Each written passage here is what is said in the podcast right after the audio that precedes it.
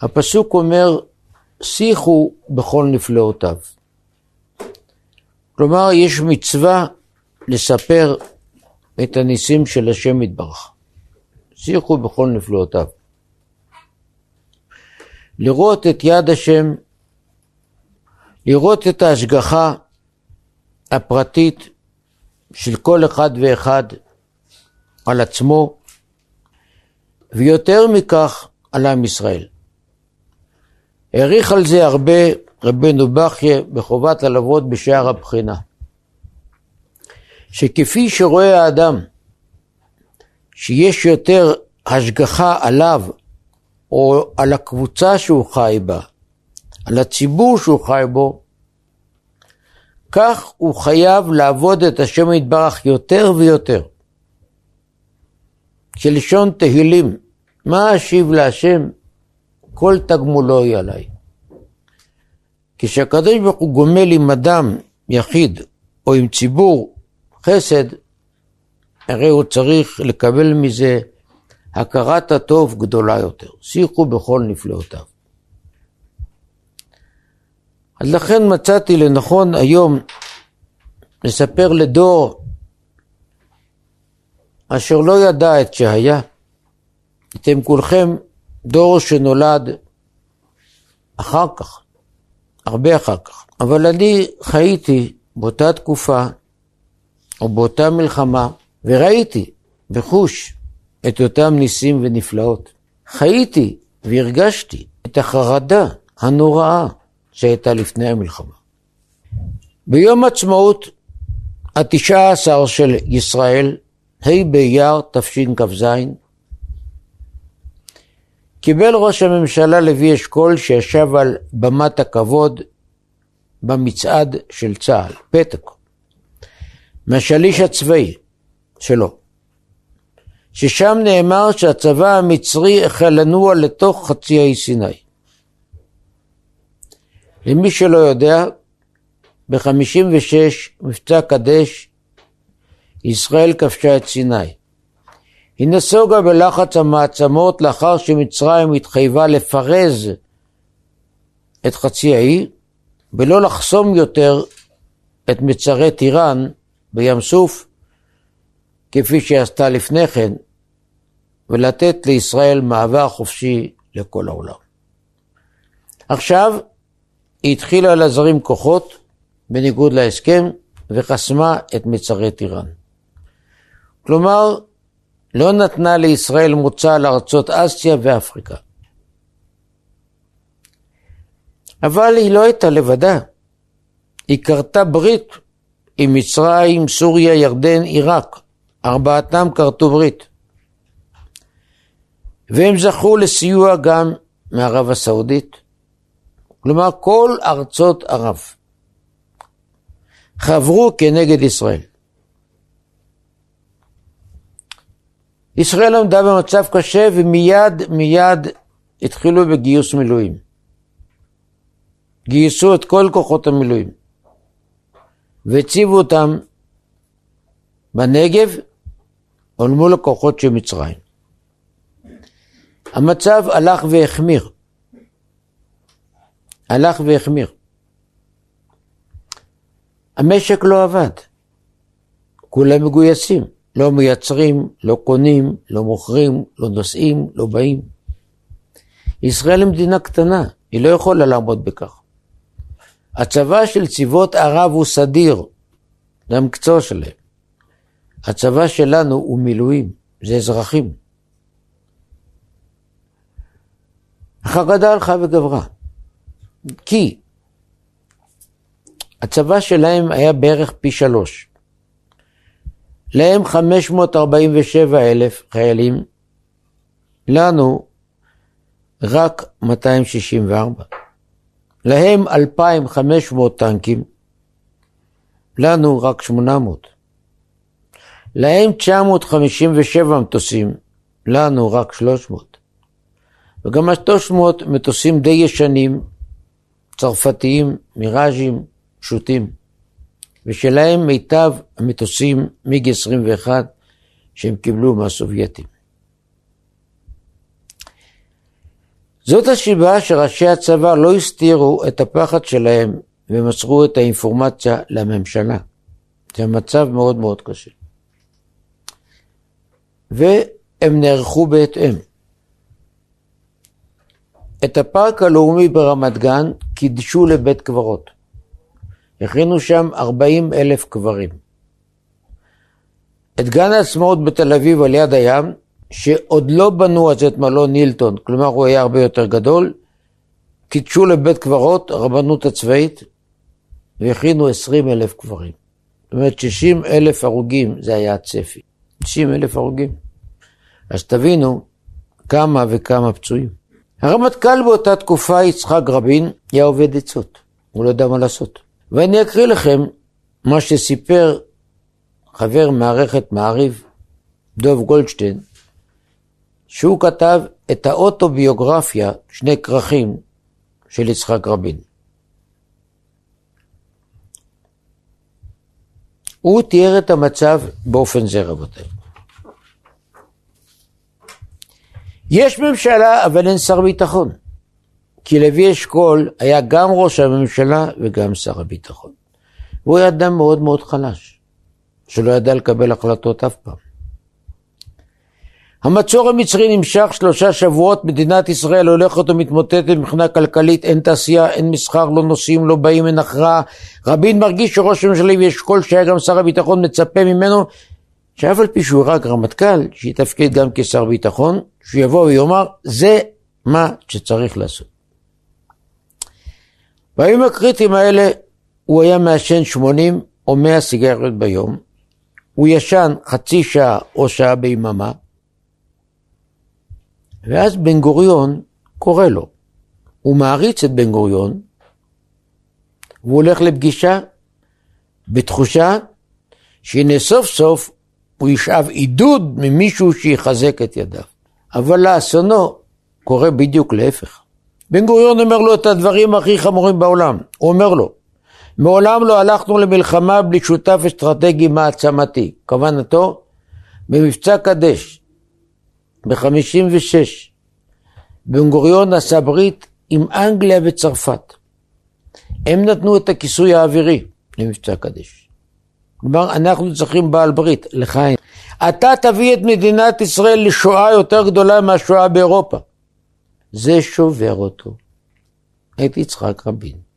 ובטח שהוא מצוי במשך השבועיים וחצי שקדמו לשיחה, בחוסר המנוחה, בחוסר השקט, והיעדר היכולת להישען על ממשלה מוצקה שיודעת מה היא רוצה, הוא מרגיש שנפל עליו נטל שהוא לא יכול לעמוד בו. בן גוריון אומר לו, תתחפרו, אל תראו ירייה. ואז הוא נשבר. המראיינת שואל את דוב גולדשטיין, אני מבין שאי אפשר, לא אז ולא עכשיו, לרכך את המילה נשבר. גולדשטיין חוזר, נשבר, נחרצות. המראיין שוב שואל, יש שבירה פיזית ויש התמוטטות נפשית.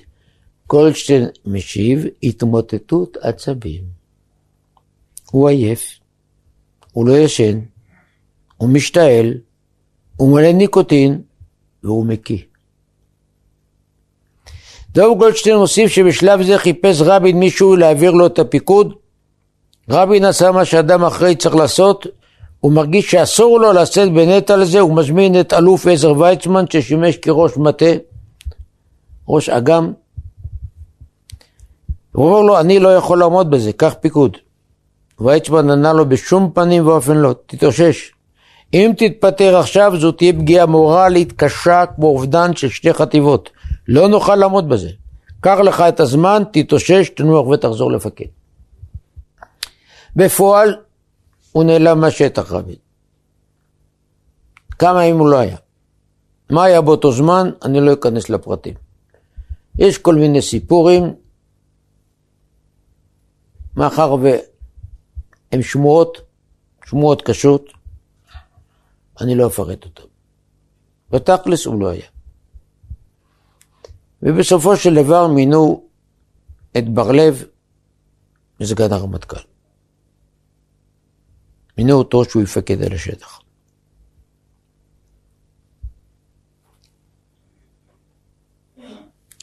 אם כן, בואו נסכם. ראש ממשלה לא יודע מה להחליט.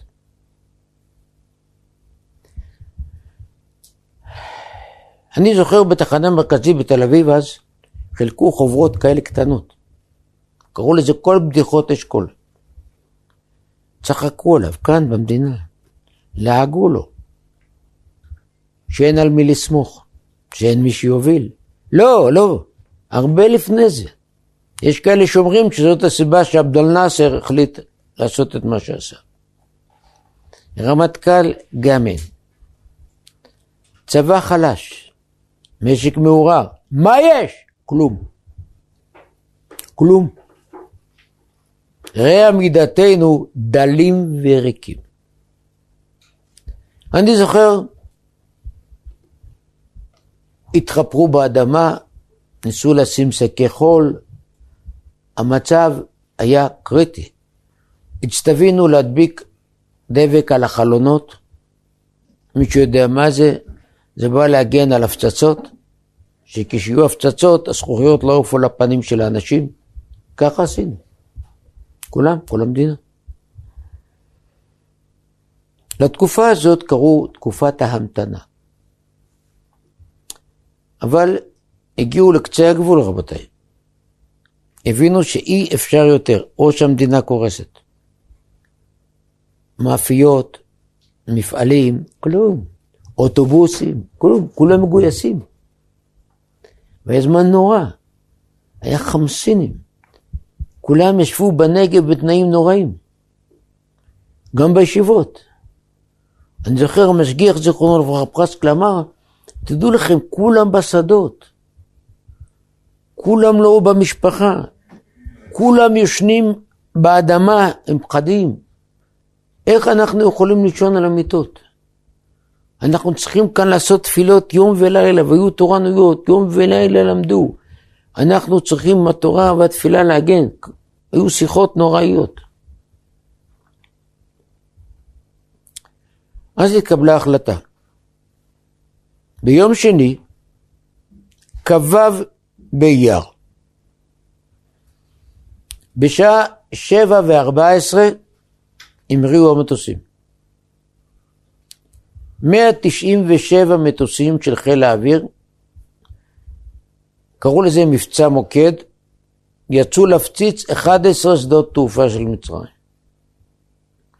השאירו בארץ רק 12 מטוסי קרב להגן על שמי המדינה. היה כאן סיכון עצום, מה שנקרא הימרו על כל הקופה. זאת הייתה תוכנית שכבר הוכנתה שנתיים לפני כן. אם אם המטוסים היו מתגלים בזמן הטיסה, היה מצב שלנו אומלל. למצרים היו טילים, מה זה טילים? מצוינים, תוצרת ברית המועצות. מערך נ"מ הכי טוב בעולם. הכי טוב בעולם, מיטב הנשק הסובייטי. לכן היה כאן הימור כבד כבד, המטוסים טסו בגובה 30 מטר מעל פני הקרקע כדי לא להתגלות. והנה קרה הנס הגדול, כל המטוסים הגיעו ליעדים. בסיני, לאורך התעלה, לאורך הנילוס, בכל רעב במצרים, בלי שאפילו מטוס אחד התגלה. ולפי התוכנית הם פעלו. היו פצצות מיוחדות שישראל הזמינה בצרפת, לפי מרשם ישראלי. אלה פצצות להפציץ את המסלולים. התוכנית אמרה, קודם כל יש להרוס את המסלולים, כדי שהמטוסים לא יוכלו להמריא. ולאחר מכן יש לחזור ולהרוס את המטוסים המקורקעים. כל פצצה כזאת יצרה חור בעומק מטר וחצי ורוחב חמש מטר. כך פעלו, הרסו מיידית את כל המסלולים. ב-7.45 בערך, לפי המרחק של כל בסיס, הפתיעו את כל חיל האוויר המצרי. ופעלו מה שפעלו.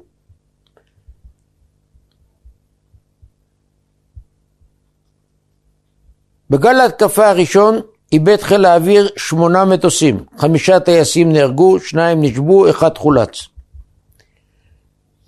איש במטה חיל האוויר ובחיל המודיעין לא הבינו. למה המצרים לא מתנגדים? למה הם לא יורים? הנ"מ לא עובד, המטוסים לא פעלים. חידה, תעלומה. המטוסים חזרו, תדלקו, לקחו פצצות, נסעו פעם שנייה. 9.45 התחיל הגל השני של התקיפה, שבו הושמדו למעלה מהמטוסי אויב. פעם הראשונה הושמדו 200, עכשיו הושמדו עוד 100 מטוסי אויב, ונטרלו באופן מוחלט כל שדות התעופה. הם לא כשירים לגמרי. כל המסלולים הרוסים. גם הפעם היה נס גדול. הפעם כבר לא הייתה הפתעה. הרסו את המסלולים, הרסו את המטוסים, אבל נ"מ היה, טילים היו. רק מטוס אחד שלום לא נפל. לא מובן ולא יאומן, אבל אלה העובדות. בשעה 10:45, שלוש שעות אחרי פרוץ המלחמה, 300 מטוסים מצריים היו גמורים.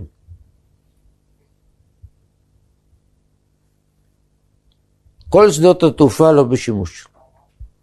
לא היה אדם אחד בממשלה ובצה"ל וחיל האוויר שהאמין שהתקיפה תצליח באופן כה מוחלט. עם מספר כל כך קטן של מטוסים וטייסים שנפגעו. מפקד חיל האוויר, אלוף מוטי הוד, התבטא אפילו בחלומותיי הוורודים ביותר לא הייתי מעלה בדעתי הישג מדהים כזה. בעלות בריתה של מצרים האמינו לדיווחים מצרים, שגם אני שמעתי אותם. ברדיו של המצרים אמרו, כוחותינו מנצחים בכל החזיתות. קראו לזה קול הרעם בעברית. הם פעלו בלוחמה פסיכולוגית, היה להם רדיו בעברית, קול הרעם קראו לזה. והם האמינו. ולכן ירדן וסוריה ועיראק אמר אויב, ארדוף אשיג, אחלק שלל. גם הם רצו להיות שותפים בניצחון. והתחילו להפגיז, או-הו. כל ישראל כוסתה בפגזים מהתותחים של ירדן.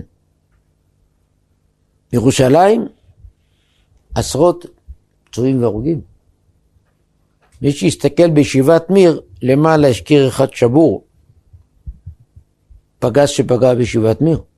כל ירושלים פושטה, לא רק ירושלים, תל אביב, הכל, כל הארץ הייתה. בישראל לא היה שום רצון להתחיל עם החוסן הזה. ושלחו לו הודעות, אל תיכנס לעסק, תפסיק. הוא לא הסכים. כמה שדרים דרך ארצות הברית, באמצעים שונים, הוא הלך עם הראש בקיר. ואז לא הייתה ברירה, אלא לצאת למלחמה נגדו. מאת השם הייתה זאת. זה כלל לא היה בתוכנית.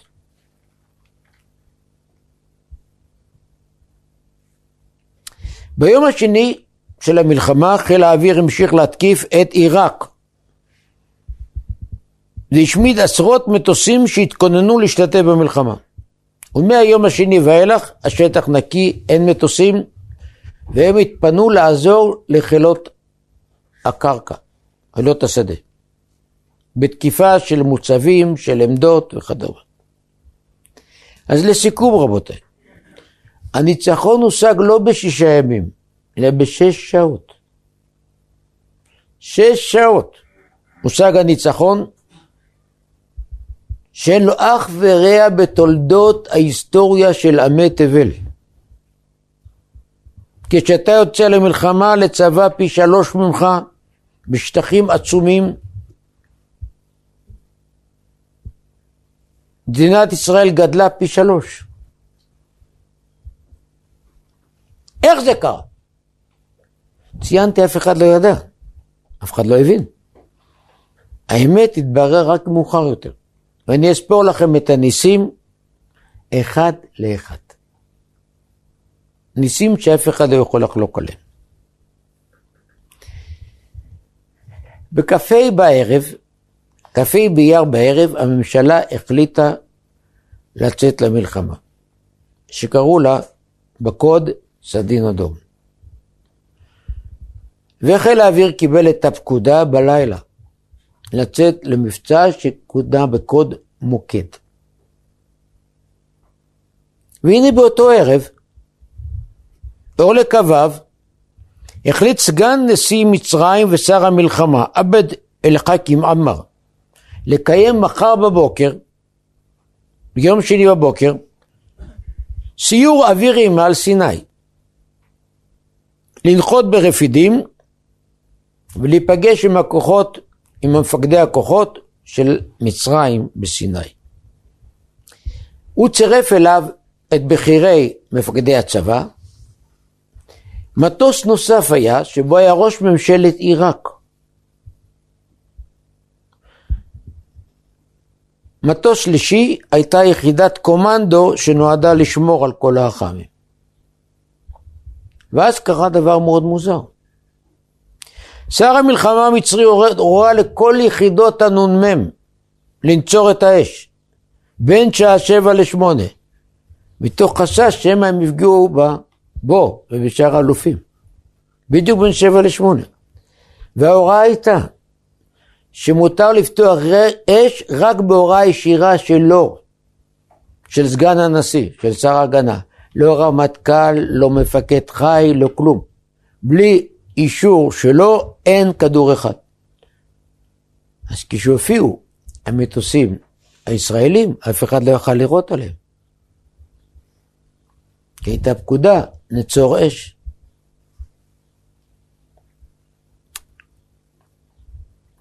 כשהם רצו לנחות בשדה התעופה,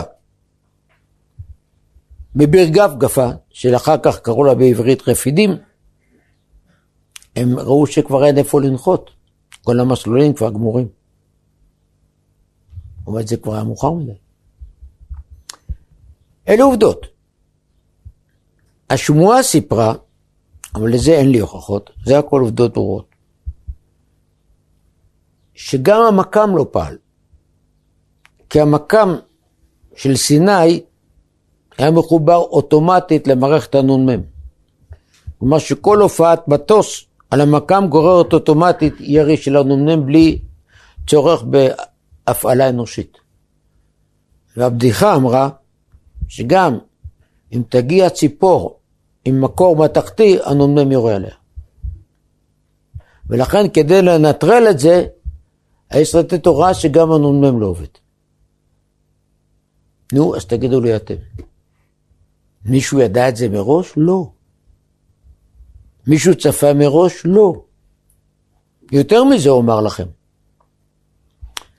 היה ויכוח, מתי תהיה תקיפה אווירית? אלוף טל, הוא פיקד על הכוח הצפוני, כוח היבשתי, הוא דרש שהתקיפה תהיה עם שחר. למה זה לא היה? נראה בהמשך. מקובל בעולם שתקיפה אווירית מבצעים עם אור ראשון. איך התקבלה החלטה אחרת נראה בהמשך. בכל אופן, זה היה המצב. נס ראשון, נס שני. בכל בוקר הוציא חיל האוויר המצרי סיור. ארבע מטוסי מיג 21 חדישים יצאו כל בוקר לפטרול לראות אם ישראל לא בתקיפה פתאום. הסיור הזה התקיים כל בוקר מ-4 וחצי עד 8 וחצי. ארבע מטוסי מיג. והנה, הסיור של שבע וחצי לא המריא. הגנרל אל-חמיד אל-דגירי, מפקד כוחות האוויר של המפקדה המזרחית, הבחין בזה והורה להתקשר לטייסת האחראית על הסיורים האוויריים לברר את סיבת העיכוב. גם מפקד הטייסת התנצל על האיחור והסביר כי התעכב בביתו מסיבות אישיות ועכשיו הוא בדרכו אל המטוסים. כמובן כשהוא הגיע למטוסים כבר היה מאוחר מדי. הם כבר היו גמורים. למה הוא התעכב? מה קרה? זה יתברר בתחקיר מאוחר יותר.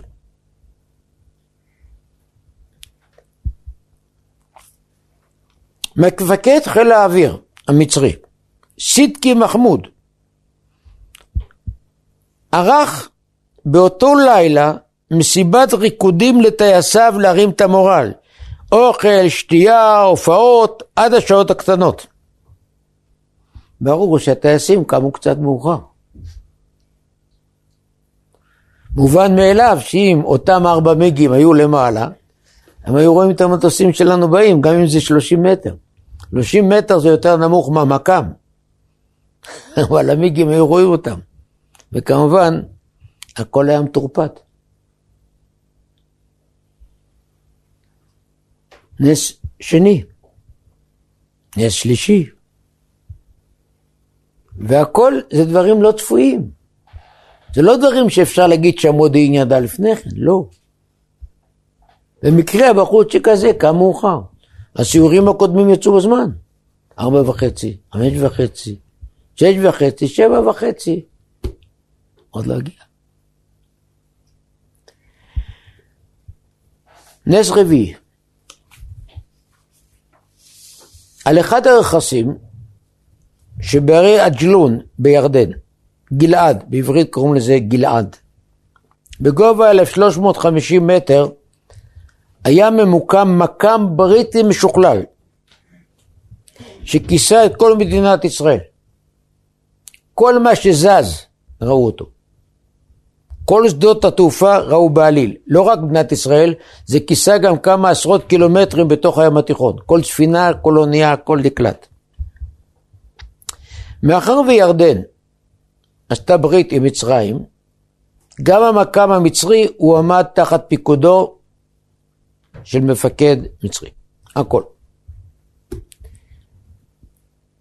כשהמריאו מטוסי צה"ל בשבע ורבע בבוקר, יותר מדויק שבע וארבע עשרה יצאו המטוסים הראשונים מחצור, נמוך נמוך, שלושים מטר, הוא קלט אותם. המקם בירדן קלט אותם, ואנחנו ידענו את זה. הסיבה שלא חיסלו קודם את המקם, כדי לא לעורר חשד. אם היו יוצאים לשם, היו מבינים שהמקם מפריע לך. אמרו, אין ברירה, יישאר. הבקר ראה פתאום על המסכים הרבה הרבה נקודות קופצות, רצות. הוא ישר קלט שכל המטוסים של ישראל ממריאים מערבה, מערבה לכיוון מצרים. והוא שידר ישר למפקדה הראשית. הוא היה מחובר למטכ"ל המצרי. את מילת הקוד להתקפה ישראלית. מילת הקוד שהוא צריך לשדר זה ענב. ענב בערבית זה ענבים. ענב. ואז הם צריכים לדעת שיש התקפה. הגיע איזה משהו שם למפקדה והם לא מבינים מה זה. והוא נכנס להסתר, ענב, ענב, ענב. הם לא קולטים. במצרים מה זה? בסופו של דבר הם ניתקו את הקו, בתסכול, לא מבינים מה הבן אדם הזה שעושה. מה יתברר מאוחר יותר? זה הותאם למערך המצרי. ב-12 בלילה, באותו לילה הוחלף הקוד. כדרכם של קודים, מחליפים כל הזמן כדי שהאויב לא יעלה את זה. ב-12 בלילה הקוד הוחלף. הירדני לא שם לב ולא זכר והוא שידר את הקוד הישן. המצרי קיבל איזה דבר צופן שהוא לא מבין אותו. רק אחרי הרבה זמן מישהו אמר במצרים, רגע, אולי הוא משדר בקודים ישנים, אבל כשהרעיון הזה עלה, שוב, כבר היה מאוחר מדי. כבר המטוסים הפציצו. נו, הלוא כל אחד רואה כאן בעליל את יד השם. עוד דבר לא צפוי, עוד דבר לא מובן, וכל אחד קשור עם השני. מספיק שחוליה אחת לא תתחבר והעסק הלך. הלך. אנחנו צריכים את הרצף. אותה הוראה מוזרה שבין שבע לשמונה אין נ"מ, אותו כישלון של הסיור שלו יוצא, אותו חוסר הבנה של האיש המצרי בטעות של האיש הירדני, וכל זה באותו זמן. הכל קורה בדיוק בין שבע לשמונה. בזמן הקריטי. האם יכול מישהו אחד בעולם להגיד שזה מקרה? ודאי שלא. ודאי שלא. האם מישהו יכול לומר שהמודיעין הישראלי ידע על זה? ודאי שלא. אלה לא היו דברים שבמצרים ידעו על זה לפני כן. ככה יש לך מרגל, יש לך מדליף, יש לך האזנות, אתם יודעים. לא זה ולא זה ולא זה. זה הכל דברים שקרו בפתאומיות, בהצטברויות של מקריות. נו. כששר הביטחון, משה דיין, אישר את התקיפה האווירית, כמו שאמרתי לכם, מפקד האוגדה הצפונית ישראל טל דרש שזה עם שחר. מפקד חיל האוויר, הוד, התייעץ עם מפקד המודיעין של חיל האוויר, בחור בשם ישעיהו ברקת. וברקת סיפר ככה: כינסתי רב"טים וסמלים מודחי קורס טיס. אינטליגנטים מאוד.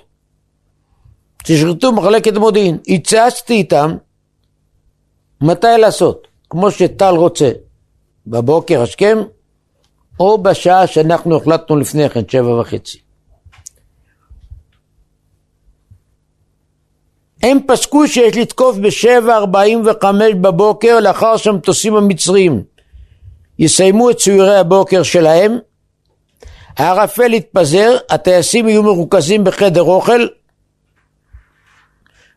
מוטי עוד הסכים, ולירוקים לא הייתה ברירה. כן, שוב, שימו לב טוב, זה מקריות. אסף כמה אנשים, שאל אותם, ובדיוק הם אמרו ככה. הלא כל אחד רואה מאת השם הייתה זאת, בצורה הכי ברורה. ומה קרה לאחר ששת הימים?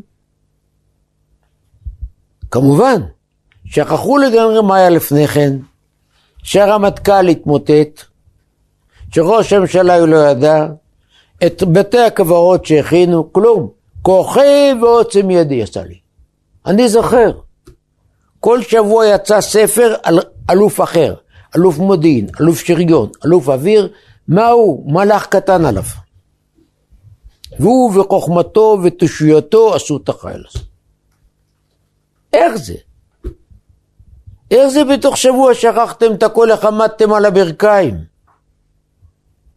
אז תבינו, תבינו מה זה. במקום לבוא ולהודות בורא עולמים, אתה הצלת אותנו. לא. ואז התחילה המתקפה הראשונה, שלא ניכנס לפרטיה, למה בחורי ישיבות לא מתגייסים? למה הם לא משרתים בצבא? אז. התחיל בזה הקיבוץ הדתי, לא החילונים. אני זוכר כמו היום. אבל זה נושא לחוד. עכשיו אספר לכם עוד אנקדוטה. מפקד פיקוד דרום, שהוא פיקד על כל הכוח שפלש מערבה למצרים, היה אלוף ישעיהו גביש, שכינו אותו שייקה.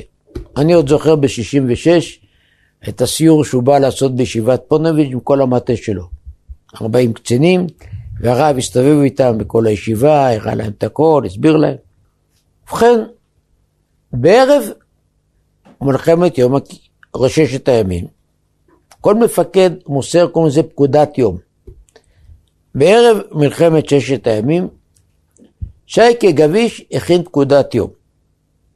בפקודת יום הוא כותב ככה: גורל מדינת ישראל נתון בידיכם. עיני העם כולו נשואות ברגע גורלי זה עליכם, ומתפללות לניצחונכם ולשלומכם, ויהי השם עמכם. ישעיהו גביש אלוף, אלוף פיקוד דרום, חמש לשישי, שישים ושבע. זה נוסח פקודת היום. היו היה סופר, קראו לו משה פראגר, ניצול שואה שהצליח לברוח בגטו ורשה וכתב הרבה ספרים. הוא מתאר שהוא בא למטכ"ל להיפגש עם גביש. ואני אצטט לכם בדיוק מה היה שם. שמי ישעיהו גביש, החבר'ה קוראים לי שייקה, הושיט לי יד ללחיצה חמה. ניצלתי את הקפיצה הצרה מן החזית אל המטכ"ל, אני מוכן לחטוף שיחה איתך. שואל אותו פראגר, סלח לי אלוף גביש על העזות שבי, חשוב לי מאוד לדעת איזה סוג חינוך קיבלת בילדותך. בבקשה, אשיב לך ברורות. אני מחיילי הפלמ"ח, נולדתי בתל אביב, אני חניך זרם העובדים. זרם של הסוציאליסטים, של ההסתדרות. והאם מוצאך מבית מסורתי? אולי ספגת איזו מידה של השפעה דתית אצל ההורים שלך? לא. אינני זוכר שום דבר מיוחד. הגיב קצרות. ההורים שלי לא דתיים, אבא לא הלך לבית כנסת, רק פעם סיפר לי שבצעירותו לימדו אותו לקרוא בספר תורה מקום מצור בלטביה, בעיירה ליד ריגה. אך כל זה נשכח ממנו. שום דבר. אם כן, שלח לי, אלוף גביש, מניין צץ אצלך לפתע פתאום הרעיון הזה לסיים את מנשר הקרב המיוחד לחיילי ישראל שהוכן אלתך לקראת המערכה המכרעת בדבר סיני באותה קריאה מופלאה ויהי השם עמכם. מניין שם שמיים סגור בפיך. אין לך שום רקע, שום כלום.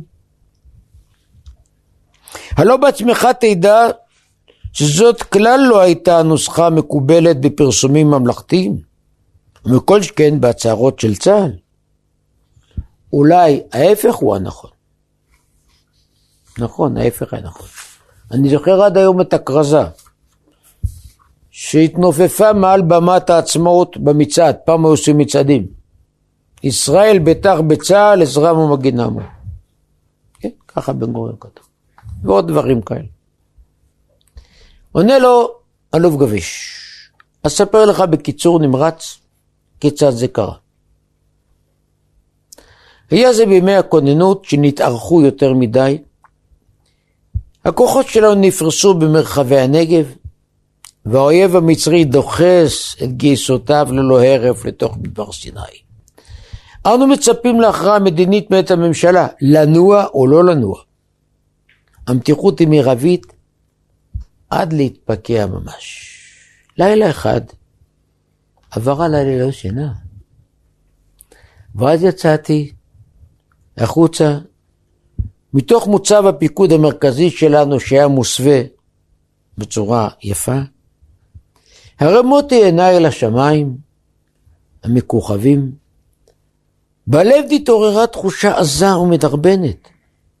איזו רוח של השראה עברה עליי והניעה אותי. העמקתי מבטי אל עבר לקו הגבול שלנו. ובבת אחת חשתי בעליל את כל תעצומות גייסות האויב שרוכזו הפעם נגדנו. ואמרתי לעצמי, אני המפקד. עליי הוטלה אחריות להתמודדות גורלית זו. זאת התמודדות על כל המדינה, על כל האוכלוסין. אתם זוכרים מה אמר בן גוריון לרבין? אתה מוביל את המדינה לאסון יותר גדול מהשואה. זה לא סוד, כולם ידעו את זה. זאת שיחה שהתפרסמה. ובן רגע נדלק הניצוץ המזהיר הזה לקרוא אל השם אלוקי ישראל, כפי שעשו זאת לוחמי ישראל ומצביעיו בימי התנ"ך. ואת ספר התנ"ך דווקא למדתי היטב בבית הספר ואת המלחמות כפי שהם רשומים בדברי הימים ידעתי בעל פה, ספר דברי הימים. פתאום הוא אומר, הרגשתי בפנים משהו, אני חייב לקרוא לאלוקים. ואז חזרתי לחדרי במוצב הפיקוד, החלטתי לנסח בעצמי פקודת יום מיוחדת. כי בדרך כלל מי שמנסח את זה קצין חינוך, דובר צה"ל וכדום, אדם שמתמחה בניסוחים. והמפקד רק חותם. אני מנסח. פקודת יום מיוחדת שנפרסם אותה מיד עם פתיחת המערכה. באוזניי הדהדה הכל חזק וכובש, הקריאה הזאת, אשר הושמעה בימי יהושפט מלך יהודה מפיו של הנביא, יחזיאל בן זכריהו, שהייתה עליו רוח השם. זה כתוב בספר דברי הימים ב', פרק כ'. אל תראו ואל תחתו מפני המון הרב הזה. מחר צאו לפניכם. מחר צאו לפניהם, והשם עמכם. כך ישבתי וניסחתי את המנשר לחיילים. וזה לשונו. ביום זה אינכם עומדים בפני המשימה הנעלה בחיינו והגנת מדינתנו. האויב המצרי ערך כוחותיו ועומד לתקוף את גבולנו. גייסותיו נעים ונערכים במרחבי סיני, והרודן המצרי מתרברב בכוחו וביכולת לחימת צבאו. מפקדים וחיילים, גורל מדינת ישראל נטול בידכם. עיני העם כולו נשואות ברגע גורלי זה אליכם, ומתפללים לניצחונכם ולשלומכם. עלו והצליחו, ויהי השם עמכם. חתום ישעיהו גביש. אחר שהוא הסביר את כל זה לפראגר, שואל אותו פראגר, המותר לי לשאול אותך אלוף גביש? באיזו צורה קיבלו החיילים שבפיקודך את המנשר עם הקריאה הזאת? אגיד לך את האמת. המשיך לספר ברוב אדיבותו. עוד באותו לילה לאחר שניסחתי לעצמי את פקודת היום, קראתי לקצין החינוך החטיבתי שלי, נתתי לו לקרוא הראשון את המנשר ולחוות דעתו. הוא קרא והגיב בהפתעה גדולה, הכל בסדר. אבל הפסוק הסופי הזה, מה קרה איתך? מה פתאום? מה זה כאן פסוקים? לא נכנסתי עמו בוויכוח, פקדתי עליו קצרות. את הפסוק הזה אני בחרתי, עליך להדפיס את פקודת היום, פקודה זה פקודה. וכך פורסמה והופצה פקודת יום מיוחדת. זו, קצין החינוך שלי הודה לי אחר כך, בתום הקרבות ניגש אליי ואמר, המפקד, אתה צדקת ממני. החיילים סיפרו לי שאת כל הדברים היפים שנאמרו במנשר הקרב שלנו שכחו לעת מהלכה של המערכה האכזרית, והייתה אכזרית מאוד. רק הפסוק הזה נחרט עמוק, עמוק במחשבתם בהכרתם. ודווקא ברגעים החמורים ביותר של המאבק, ויהי השם עמכם. זה מה שהם זכרו מכל המנשר. ואז הוא המשיך וסיפר, שייקה גביש, לאחר הניצחון המכריע הזמינו אותו, ולא רק אותו, את כל האלופים לארצות הברית לאסוף כסף. מלחמה עולה הרבה מאוד כסף. אם כן, נתנו להם הופעות, נפגשו עם גדולי המיליונרים, שאז היו אנשים, זה היה אז הרבה מאוד כסף, תרמו מיליון דולר כל אחד. ובאחד המפגשים עם אותם גבירים גדולים, אמר לו רב, תשמע, אני רב של קהילה. אולי אתה מוכן לפגוש גם פעם את עמך? לא רק את אותם סלבריטיס? עמך רוצה לראות אותך. אמר לו, אני בא. איך אוכל לתאר חוויה זאת? בית הכנסת היה מלא יהודים. הרב הציג אותי בנאום נרגש. אינני יודע איך ומהיכן השיג זאת, אבל בידו הייתה הנוסחה של פקודת היום שלי, עם פרוץ מלחמת ששת הימים. מי שהקריא הרב את הפסוק הזה, ויהי השם עמכם, והצביע עליי, שאני הגנרל הישראלי שכתב זאת, ושאני התפללתי לעזרת השם אלוקי ישראל שיביא לנו ניצחון במלחמה, פרצו כל היהודים הנאספים בתשועות מרעישות. הייתה זו התפרצות של התלהבות יהודית שקשה לי לתאר אותה. אנשים בכו מתוך התרגשות. אנשים חיבקו אותי, הרעיפו עליי נשיקות. הייתי כל כך נרגש ונסער. כי במעמד זה הובהר לי באיזה מיתר גנוז ומקודש בנשמת האומה הצלחתי לנגוע עם פסוק הזה. עד כאן הרעיון עם אלוף פיקוד דרום שייקי גביש. לשם מה סיפרתי לכם את זה? אנחנו רואים רבותיי שאצל כל יהודי, רחוק באשר יהיה, מעולם לא קרא ולא שנה, וגם לא ראה אפילו פעם אחת את ספר תורה. אפילו בר מצווה לא עשו. יש את הנקודה היהודית. יש את האמונה הפנימית, ולא ניתן לעקור אותה. אף פעם. אצל אחד מהם היא התעוררה ליד כבשני אושוויץ, על יד תאי הגזים. אצל אחד היא התעוררה לפני קרב גורלי ומכריע. ואני אספר לכם.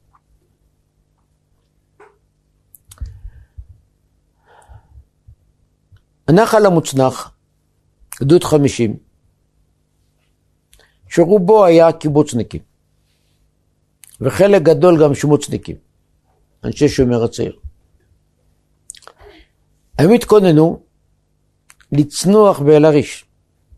זאת הייתה התוכנית האופרטיבית הראשונה. בכל תקופת הכוננות, בשלושת השבועות, הם צנחו וצנחו וצנחו בחולות, כדי שיהיו מוכנים לרגע הקריטי. אבל, כמו שציינתי לפני כן, לא הייתה שום כוונה להילחם עם ירדן. אבל לא הייתה ברירה. ברגע האחרון שינו את התוכניות ולקחו אותם להילחם על העיר העתיקה. לא רק שהם לא התכוננו לזה, זה קרב מאוד מאוד קשה. הם הגיעו ליד ישיבת מיר, מי שיודע איפה זה, בית ישראל. ליד ישיבת מיר עברה גדר, שם היה שטח המפורז. בין ישראל לירדן היה שטח מפורז. שם זה היה. הם הגיעו, התחילו לחתוך עם מספריים את גדר התיל כדי להיכנס לאותה מלחמה. ואז הם ראו שם כמה בוחרים של ישיבת מיר. וניגשו ואמרו, תדעו לכם, אנחנו הולכים לקרב מאוד מאוד קשה. מי שקצת מבין בצבא, יודע שהקרב הכי קשה נקרא קרבות רחוב. זה מבית לבית, מחדר לחדר. זה קרבות עם אקדחים ועם פגיונות. מיד, אין, אין חורמות, אין ברירה. ונאמר להם מראש שהם לא יקבלו סיוע ארטילרי ולא אווירי, כי פחדו. בעיר עתיקה פצצה אחת יכולה להרוס מקומות קדושים וכל העולם ירד. אתם מבינים? וכידוע, בגבעת התחמושת נערך קרב מאוד מאוד קשה, מאוד מאוד אכזרי, הרבה דם מוקז, ושם באמת הייתה טעות שכולם מודים בה היום, שלא נתנו סיוע אווירי. שם אין מקומות קדושים, אין שום דבר, היו צריכים לתת שם הפגזות מהאוויר ולא עשו. טעות פטאלית ששילמנו עליה מחיר מאוד מאוד יקר. מי שיהיה בגבעת התחמושת תראה את המצבה ואת האנדרטה לכל אותם עשרות בחורים ששפכו דמם ומסרו נפשם. ואחר כך בעיר עתיקה, מבית לבית, מרחוב לרחוב. אנחנו מבקשים, הם פנו לבחורי הישיבה, תעלו לישיבה, תתפללו ותלמדו תורה בשבילנו שנצליח בקרב. ודאי יהיו הרבה פצועים, ואולי גם הרוגים. אנחנו צריכים את התפילה שלכם. הם לא שאלו אותם אז, רגע, למה אתם משתמטים מהצבא? הם לא התריסו כנגדם אז, אנחנו צריכים לשפוך את הדם שלנו בשבילכם? כי ברגע של אמת, הכל משתנה. ברגע של אמת, הנקודה האגודית הפנימית יודעת שיש אלוקים בשמיים. יודעת יש תורה או תפילה שהם למעשה נותנים לנו את הכוח. שייקי גביש מספר שפתאום, והוא לא יודע מאיפה למה, בא אליו הרעיון, המחשבה לפנות לאלוקים. אצל כל אחד יש את זה, רבותיי. בפנים. בפנים. זה מה שאנחנו צריכים לדעת. לכל אחד. אצל אחד זה בא ברגע של שמחה, ואצל אחד ברגע של צרה. גם מאוחר יותר כשאותם חבר'ה צנחנים בגדוד 50 כבשו את הכותל, כבר איבדו, איבדו הרבה מהחברים שלהם. כולכם ודאי מכירים את התמונה המפורסמת שהם נצמדים לכותל, בוכים כולם כמו תינוקות. לפני הכותל שספג דמעות, כותל הדמעות, גם הגויים קוראים לו וולנגרול. אף עם לא נדבק לשום אנדרטה, לשום אה, פירמידה, לשום מי יודע מה. לא. כי יש אבנים שהן כמו לב של קדושה, ואת זה ראו. הפעם זאת לא תחפושת, זאת לא דיפלומטיה, זה לא שידור ישיר בטלוויזיה, זה לא פוליטיקה, זה לא משחק, זאת אמת. אמת שנגלתה אז. מה אנחנו צריכים לעשות?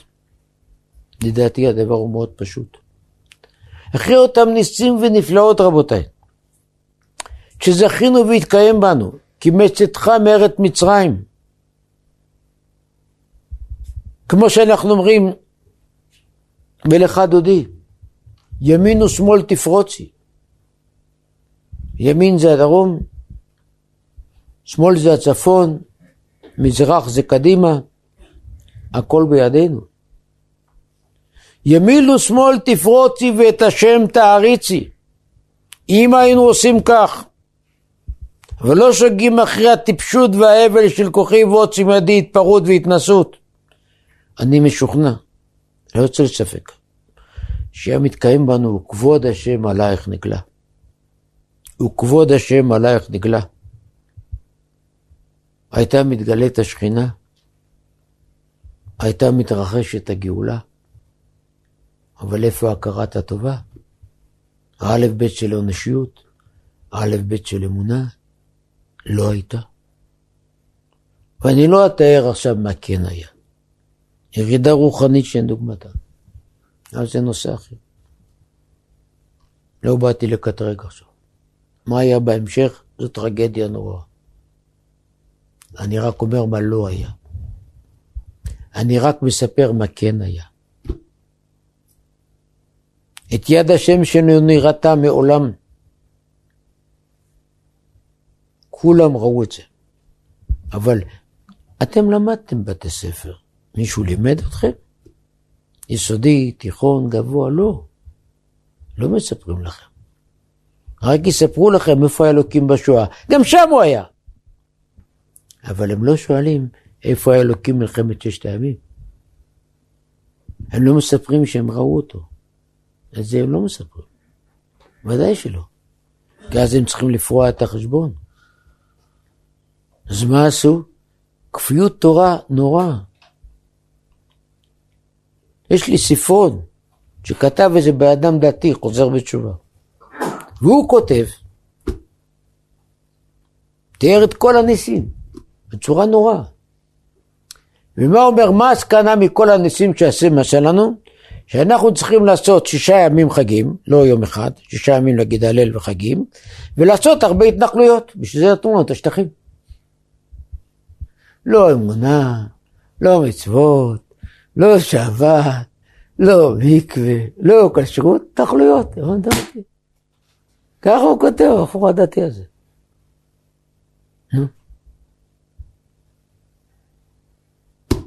מילא, חילוני, אני מבין. טבע דת, כל, כל, כל הספרון שלו רשום פסוקים, ואיזה ניסים, ואיזה נפלאות. כל הנתונים שאני אמרתי לכם, אני קראתי אצלו. ממנו לקחתי את כל החולו. דוקטור אחד. אבל מה המסקנה שלו בסוף? תדעו לכם, אלוקים נתן לנו את הכל בשביל שנקים הרבה התנחלויות. אוי, טיפש. טיפש. מה קרה לך קריאת ים סוף? ויאמינו העם בהשם ובמשה עבדי. מה קרה בגאולה של מרדכי ואסתר? קיימו וקיבלו היהודים עליהם ועל זרם. קיבלו מלכות שמיים. אמרו הקדוש ברוך הוא, הצלת אותנו? אנחנו עכשיו מקבלים את התורה יותר מאשר בהר סיני. כל העם חזר בתשובה. מה היה אחרי הניסים של חנוכה? הלכו להקים התנחלויות? כל העם חזר בתשובה. כל המתייוונים ועובדי האלילים נמחו כהרף עין. ומלכותו ברצון קיבלו עליהם. זו התודה רבה לבורא עולם. נתת, אנחנו צריכים לשלם. לשלם! מה אשיב להשם? אז תראו עד כמה איש בר לא ידע. נשבר לא ידע. וכסיל לא יבין את זאת. אבל אנחנו, רבותיי, אנחנו בני תורה. עלינו לדעת ולהלל. לדעת ולשבח. לדעת ולקיים. לדעת ולשלם לבורא עולם על זה שהוא עומד לימיננו בכל יום ובכל שעה. על ניסיך ועל נפלותיך שבכל יום עמנו. וככל שנגביר את התודעה הזאת, רבותיי, כך נזכה ויקוים בנו במהרה ממש, וכבוד השם עלייך נגלה.